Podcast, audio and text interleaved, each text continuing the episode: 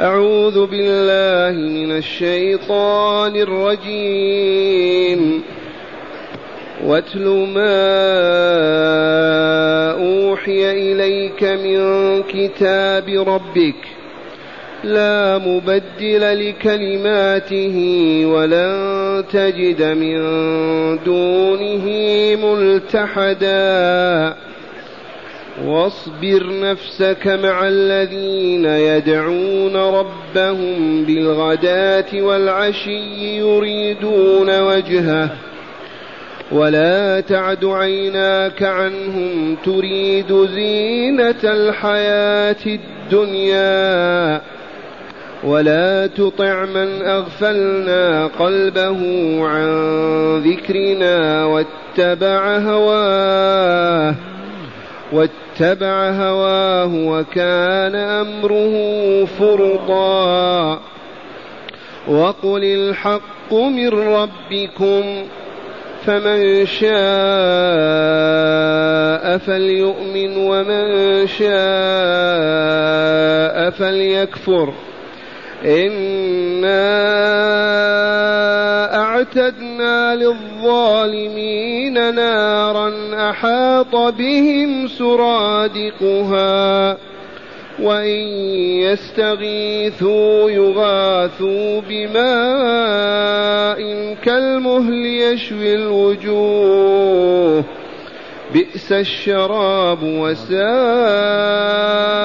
مرتفقا إن الذين آمنوا وعملوا الصالحات إنا لا نضيع أجر من أحسن عملا أولئك لهم جنات عدن تجري من تحتهم الأنهار تجري من تحتهم الأنهار يحلون فيها من أساور من ذهب ويلبسون ويلبسون ثيابا خضرا من سندس واستبرق متكئين متكئين فيها على الأرائك نعم الثواب وحسنت مرتفقا. أحسنت. معاشر المستمعين والمستمعات من المؤمنين والمؤمنات. قول ربنا جل ذكره واتل ما أوحي إليك من كتاب ربك. من الامر الله جل جلاله. من المأمور بهذا؟ محمد رسول الله. اذا فهذا معنى لا إله إلا الله محمد رسول الله. الله موجود حي قيوم أنزل الكتاب وأوحاه ويأمر رسوله فهو هذه الآية تدل على أنه لا إله إلا الله محمد رسول الله. صلى الله عليه وسلم. يأمر تعالى رسوله ومصطفاه بقوله واتل أي اقرأ. يا رسولنا اقرأ ماذا؟ الذي أوحي إليك. أوحي إليك من أوحاه إليه؟ الله عز وجل. والإيحاء الإعلام السريع الخفي. من كتاب ربك بين الذي يتلوه هو القرآن الكريم. ومن هنا من أراد أن يظفر ويفوز بالجنة دار السلام فعليه بالإيمان بالله ولقائه بالإيمان ورسوله وعليه بما جاء في هذا الكتاب وليقرأه وليتأمله وليتدبره فيجد فيه الحلال بين والحرام بين والحق والباطل والخير والغير فيصبح ذا علم وبصيرة. ها هو الله تعالى يأمر رسوله واتلو ما أوحي إليك من الكتاب. بعد ذاك النزاع الذي كان بينه وبين اليهود قالوا اترك هؤلاء واتل ما أوحي إليك من كتاب ربك. أي القرآن الكريم. ثم قال له لا مبدل لكلماته. كلمات الله التي أحكامه وقضاياه وشرائعه وأخباره ووصاياه لا تتبدل. ومعنى هذا إلزم باب الله. اتل كتاب الله وادعوا إليه الناس ليؤمنوا به. وادعوا إليه عبيد الله المؤمنين ليعملوا به. فتلاوة الكتاب ليس لمجرد التعبد بل لتعليمه المؤمنين وبيان ما فيه ولدعوة الكافرين والمشركين إلى الإيمان به. واتل ما أوحي إليك من كتاب ربك لا مبدل لكلمات الله. إذا حكم الله حكما من ينقضه؟ إذا أخبر تعالى بخبر كما أخبر عن أصحاب الكهف مستحيل أن يتبدل ويتغير. إذا توعد الله أهل الشر والظلم والفساد لن تستطيع يد أن تصف عنهم ذلك. لا مبدل لكلماته. إذا واعد أهل الإيمان وصالح الأعمال بالفوز والنجاة والنصرة لن تستطيع يد أن تبدل ذلك أو تغير. لا مبدل لكلماته أولا ولن تجد من دونه ملتحدا أيضا. يا من أعرض عن كتاب الله ولم يقرأه ولم يعمل بما فيه اعلم أنك لن تجد من دون الله ملجأ تلجأ إليه يوم يحق العذاب وتنزل ساعته. لا ملاذ ولا ملجأ ولا مكان تلجأ فيه ابدا وتلتحد فيه ابدا. إذا كان هذا يوجه إلى رسول الله صلى الله عليه وسلم فبالك فما بالك بنا نحن؟ لا نقرأ القرآن إلا على الموتى.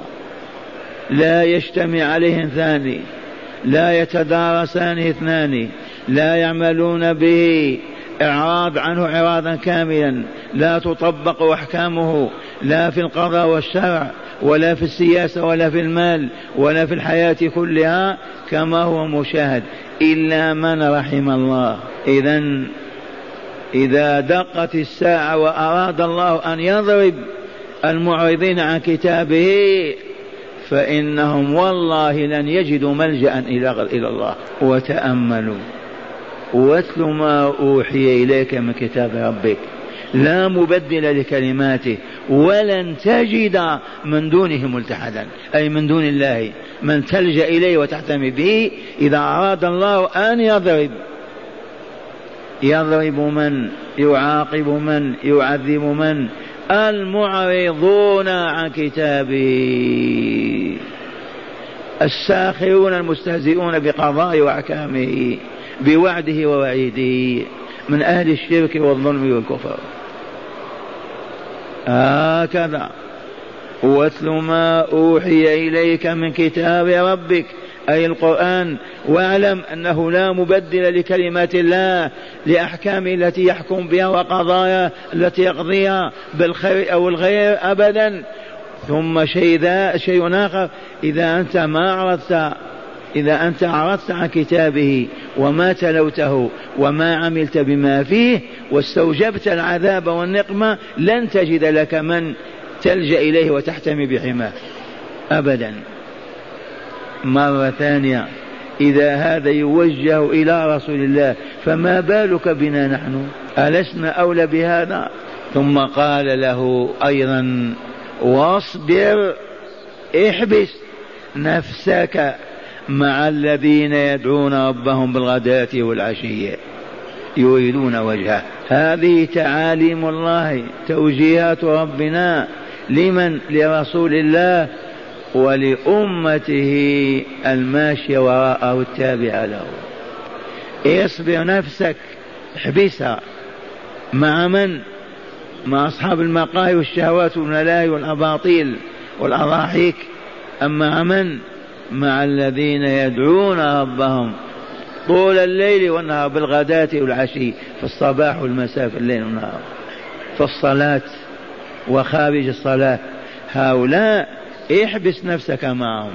أما أن تجالس المبطلين الفاسقين الضالين المشركين أرباب الدنيا المتكالبين عليها فلا ينبغي لك هذا أبدا.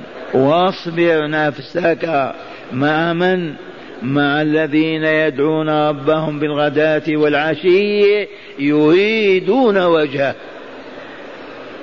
يريدون وجهه فقط. وجه من؟ الله جل جلاله. لا هم لهم ابدا إلا أن يرضى الله عنهم. لا هم لهم في الحياة إلا أن يطيعوا ربهم. لا هم لهم في الحياة الدنيا إلا أن يكونوا ربانيين أولياء الله عز وجل. وهذه الولاية مبدا الإيمان الحق ثم الاستقامة على منهج الإسلام بأن نقوم بالواجبات بصدق ونؤديها كما أوجبها الله ونتجنب ما حرم الله من النظرة المحرمة إلى الكلمة إلى قتل النفس. ولا تعد عيناك عنهم تريد زينة الحياة الدنيا. ما تتجاوز عيناك هؤلاء الفقراء المؤمنين إلى أولئك الأغنياء الكافرين. هذا تعليم الله لرسوله. ونحن أتباعه. ينبغي أن نكون مثله. ولا تعد عيناك تتجاوز الفقراء المؤمنين الصابرين الأتقياء الصالحين إلى أولئك الأغنياء أرباب المال والدنيا الفاسقين الفاجرين من المشركين والظالمين. هذا نهي وإلا لا؟ نهى الله تعالى رسوله صلى الله عليه وسلم أن ينظر إلى الأغنياء أرباب المال وأمره أن يكف عنهم بصره وأن ينظر إلى الفقراء والمساكين الربانيين المؤمنين. واسمع ماذا قال ولا تعد عيناك عنهم تريد زينة الحياة الدنيا وزخارفها بالطعام والشراب واللباس وما إلى ذلك. ثالثا ولا تطع من أغفلنا قلبه عن ذكرنا. الذي أغلقنا الباب عنه ما انفتح الباب أغفلنا ذك قلبه عن ذكر الله ما يذكر الله ولا يسأل عنه ولا يلتفت إليه ولا يطلب طاعته أبدا. هذا الشخص هذا النوع لا تطعه أبدا. يأمرك ينهاك لا تلتفت إليه. وهنا حادثة حدثت. وهو أمية بن خلف الجمحي جاء إلى رسول الله صلى الله عليه وسلم وقال له إن أردت أن يجلس إليك أعيان البلاد وأشرافهم وأهل الحل والعقد كأبي جهل وعقبة بن معيط ومن إليهم اطرد من حولك بلال وصهيب وعمار هؤلاء الفقراء وحينئذ ينزل إليك هؤلاء ويجلسون إليك. وكأن رسول الله صلى الله عليه وسلم بحكمه البشري كاد يلين. لعلهم إذا نزلوا وجلسوا وسمعوا يؤمنون ويهتدون. لكن الله وليه ومربيه لم يرضى بهذا. ما أنت مسؤول عن هدايتهم. عليك البلاغ فقط. فقال له واصبر نفسك مع بلال وعمار وصهيب الفقراء والمساكين. ولا تعد عيناك عنهم تريد زينة الحياة الدنيا ولا تطع من أغفلنا قلبه عن ذكرنا واتبع هواه والعياذ بالله. أبي بن خلف أمية بن خلف الجمحي. ولا تطع من أغفلنا قلبه عن ذكرنا واتبع هواه. ما اتبع عقله. وهل الكفار اتبعوا عقولهم؟ والله ما اتبع كافر عقله. العقل يقول له أنت مخلوق مرزوق ما تسأل من خلقك؟ ويبلغه أن هناك من يعرف خالقه وصفاته وما, وما إلى ذلك ويعرض ولا يلتفت هذا الإغفال عن القلب. صرف الله قلوبهم باستمرارهم على الكفر والشرك والباطل والشر والفساد. ولا تطع من أغفلنا قلبه عن ذكرنا واتبع هواه وكان أمره خسارا كاملا لا خير فيه بالمرة وكان أمره فرط من الإفراط في الباطل والشر والفساد. عرفتم هذا الخطاب؟ ثالثا رابعا وقل يا رسولنا وقل الحق من ربكم. فمن شاء فليؤمن ومن شاء فليكفر. هذه مهمتك البلاغ البيان. ما أنت مسؤول عن هدايتهم هدايتهم بيد الله. بلغ فقط. فلا تتنازل لطلباتهم وما يريدون علهم يهتدون. لا لا. أنت أثبت على دعوتك واصبر مع الذين يتقون ربهم وأعلنها في صراحة. قل الحق جاء من ربكم فمن شاء فليؤمن ومن شاء فليكفر. علمهم هذا أعلن هذا الإعلان. وقل الحق من ربكم. لماذا قال من ربكم؟ لأنهم مؤمنون أنهم مخلوقون مرزوقون. وأن العوالم لها خالق هو الرب تبارك وتعالى. ما كان العرب في الجاهلية ينكرون وجود الله بل ما كان في العالم كله من ينكر وجود الله. فالمذهب البلشفي الشيوعي الأحمر من صنع اليهود ما كان إلا في القرن الثاني القرن قبل هذا القرن. البشرية كلها بالفطرة تؤمن أنها مخلوقة. تسأل عن خالقها من؟ كيف هو؟ فتتعلم وتعرف والرسل يبلغون ذلك ولا ينكرون وجود الله أبدا. لكن صنيعة اليهود البلشفية لا إله والحياة مادة. لما سقطت الشيوعية اليوم قالوا العلمانية العلم فقط. دعنا من صلاة وصيام العلم. السعادة لا تتحقق إلا به بديل عن الشيوعية. ولا ندري ماذا يحدثون بعد أيام. لأن العلمانية انهزمت أيضا. عرفت أنها بنت شيوعية. فاسمع يقول الله لرسوله صلى الله عليه وسلم وقل الحق من ربكم فمن شاء فليؤمن بالله ولقائه ورسوله ومن شاء فليكفر. والجزاء على الإيمان بالجنة دار النعيم وعلى الكفر بالنار والجحيم. ومعنى هذا عليك البيان فقط لا تعطيهم أكثر من هذا. ثم قال تعالى إنا أعتدنا للظالمين نارا أحاط بهم سرادقها فبين جزاء الكافرين وجزاء المؤمنين فقال تعالى إنا أعتدنا هيأنا أعددنا وأحضرنا للظالمين. من هم الظالمون؟ أولا المشركون. ما وجه ظلمهم؟ كيف يخلقك خالق ويرزقك ويحفظك وتدعو غيره وتلتفت إلى سواه وتطيع غيره؟ هذا أبشع ما يكون من الظلم. أنا كسوتك أطعمتك أركبت حملتك من أجل أن تذكرني بخير. فإذا بك تسبني وتشتمني وتنسب إلي الباطل وتلتفت إلى غير تعبده وتحمده. أي ظلم أعظم من هذا؟ واقرأوا قول الله تعالى إن الشرك لظلم عظيم. الذي يلتفت إلى غير ربه يدعوه يا سيدي فلان المدد الغوث الغوث.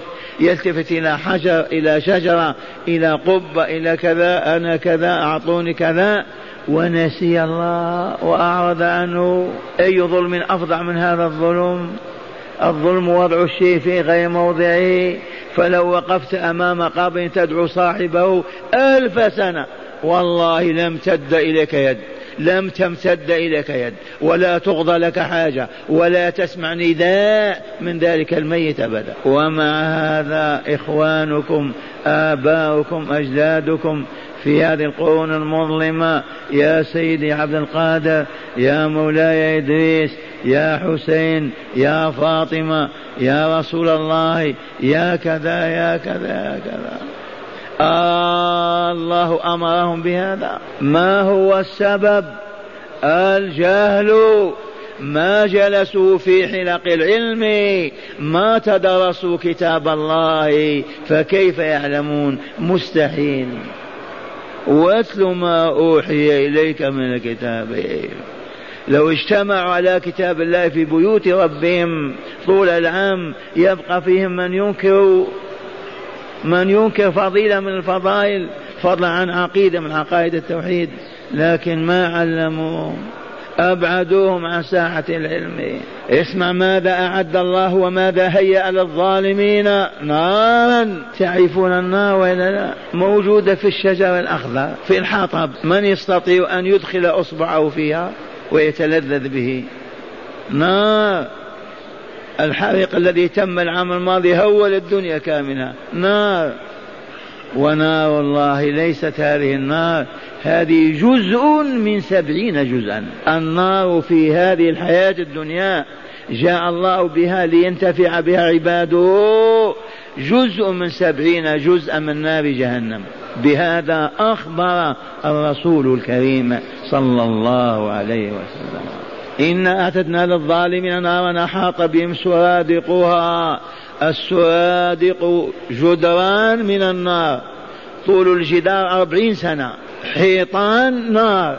وهم في وسطها. سرادقها من النار.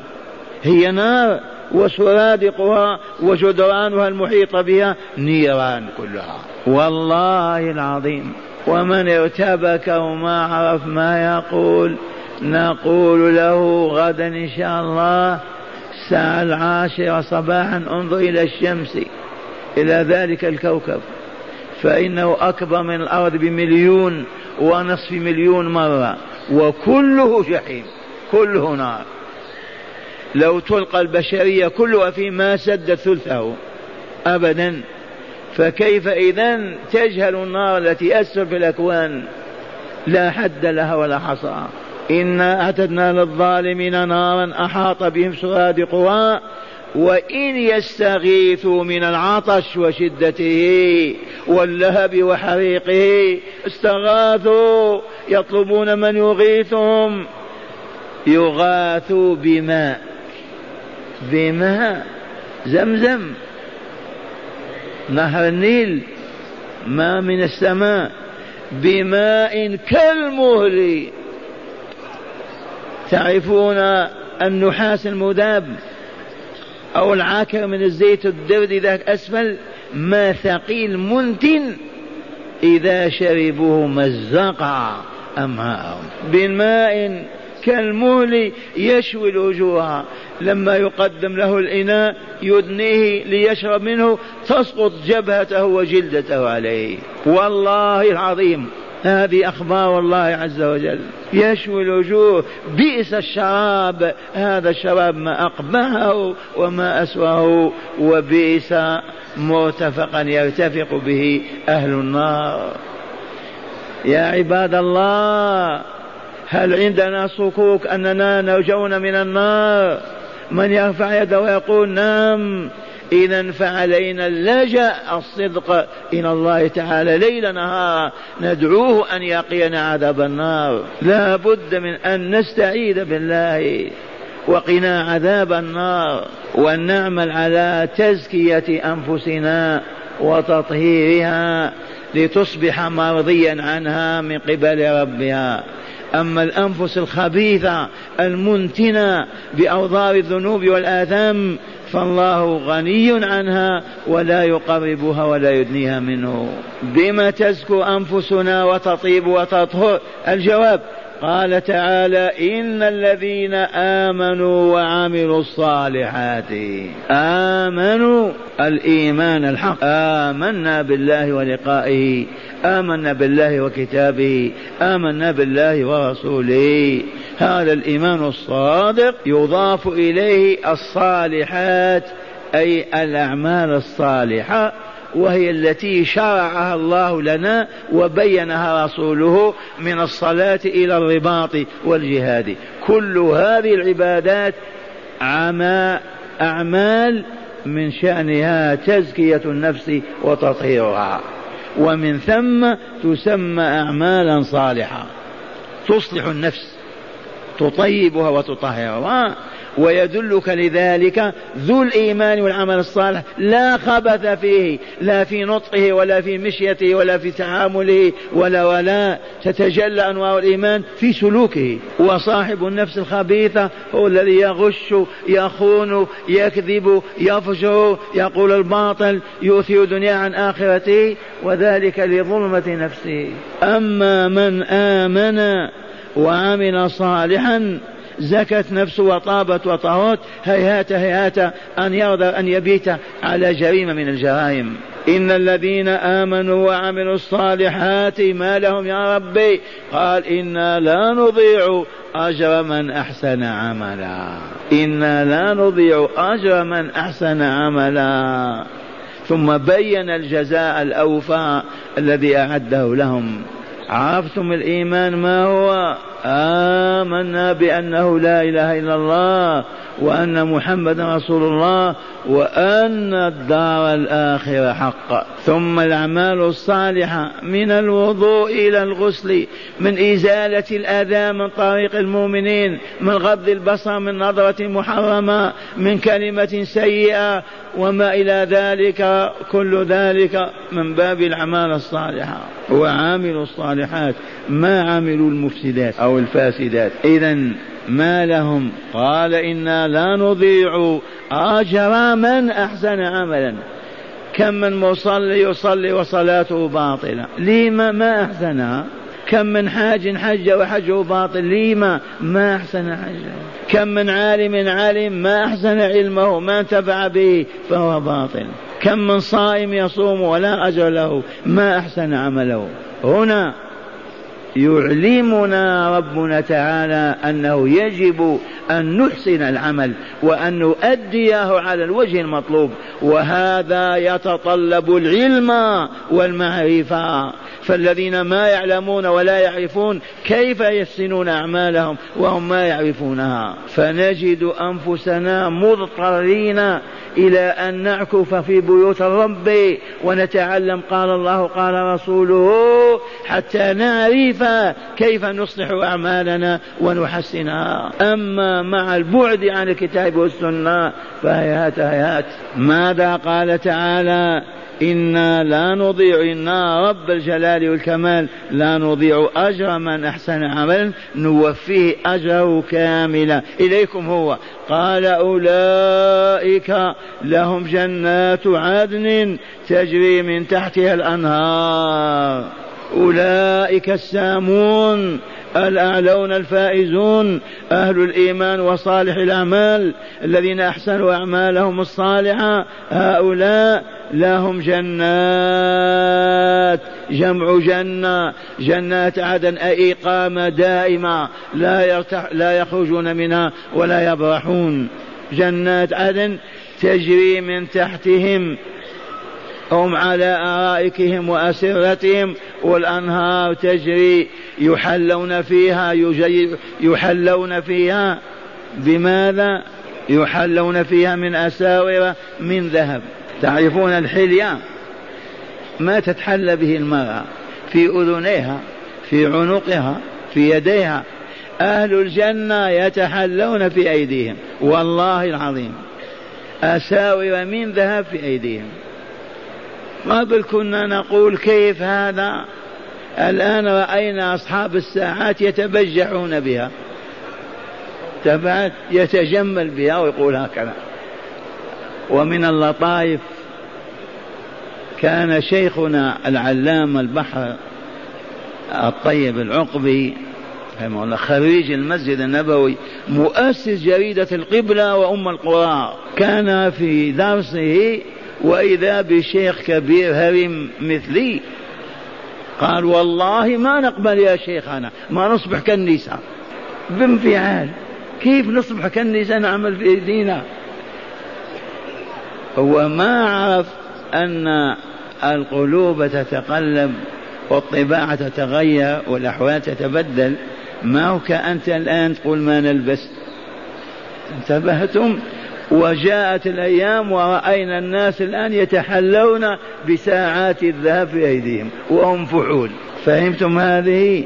إذا أبشروا بأنكم تحلون أساور من ذهب في أيديكم. قال تعالى أولئك لهم جنات عدن تجري من تحتها الأنهار الأنهار تعرفون كم نهر في الجنة؟ أربع أنهار قال تعالى من سورة محمد صلى الله عليه وسلم أو القتال. مثل الجنة مثل الجنة التي يعد المتقون؟ فيها أنهار من ماء غير آس وأنهار من لبن لم يتغير طعمه.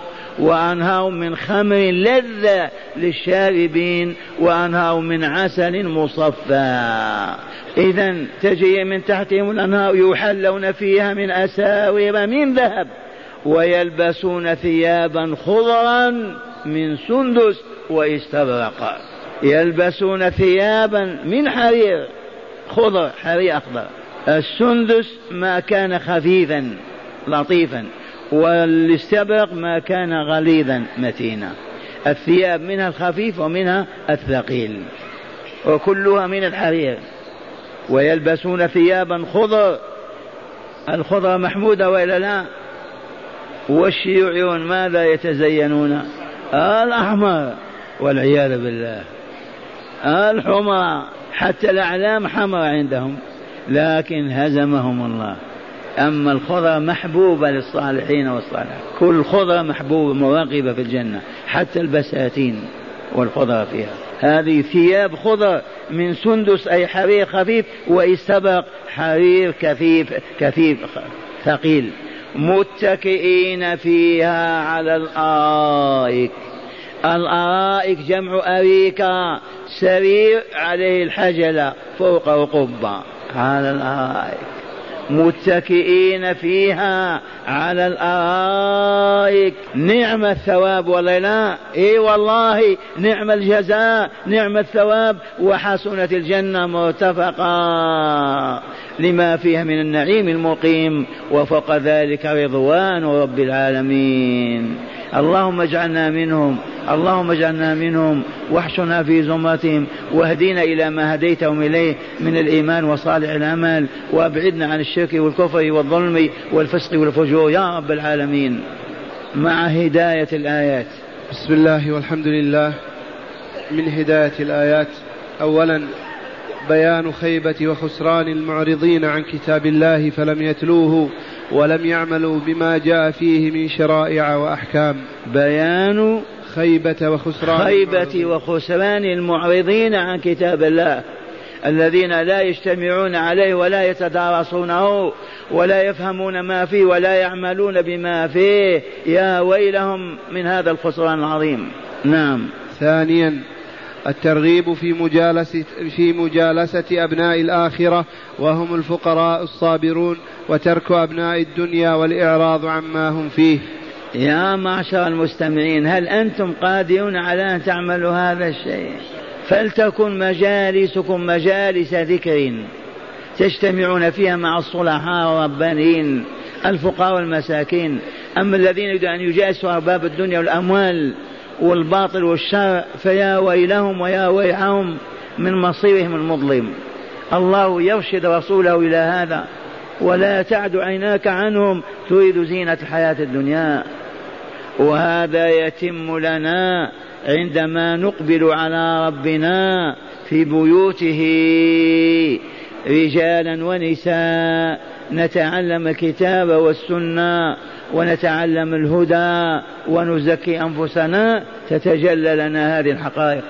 أما ونحن بعيدون عن العلم فانى لنا ذلك. نعم. ثالثا على الداعي إلى الله تعالى أن يبين الحق والناس بعد بحسب ما كتب لهم أو عليهم. أي نعم على الداعي إلى الله أن يبين الحق للكافر للظالم للمشرك للفاسق. وليس عليه هدايتهم. هدايتهم إلى الله إضلالهم إلى الله. هو ما عليه إلا أن يبين. من أين أخذنا هذا؟ وقل الحق من ربكم فمن شاء فليؤمن ومن شاء فليكفر. أنا ما أملك هداية أحد أحد. لكن أبين الطريق من سلكه نجا ومن أعرض عنه والتفت إلى غيره خسر وهلك وما أنا بمسؤول عنه. وهذا الله يرشد رسوله لهذا ويقول له قل لهم الحق جاء من ربكم فمن شاء فليؤمن ومن شاء فليكن بينا لكم الطريق اسلكوها ولا تسلكوه حتى لا يكرب رسول الله ويحزن. رابعا الترغيب والترهيب بذكر جزاء الفريقين المؤمنين والكافرين. نعم الترغيب والترهيب مبدأ مبدأ للدعاة الصالحين. يرغبون المؤمنين ويرهبون الفاسقين. يرغبون أهل الأعمال الصالحة ويحذرون الأعمال الفاسدة. الترغيب يذكرون ما يرغب في العمل الصالح والترهيب يذكرون ما يرهب ويبعد من العمل الفاسد. أخذنا هذا في الآية إذ بين تعالى جزاء الظالمين وجزاء المؤمنين. ترغيب وترهيب وإلا لا؟ وأكثر القرآن هكذا. الترغيب ما يرغب في الأعمال الصالحة والترهيب ما يبعد عن الأعمال الفاسدة. خامسا وأخيرا عذاب النار شر عذاب ونعيم الجنة نعم نعم النعيم ولا يهلك على الله إلا هالك. هذه الحقيقة.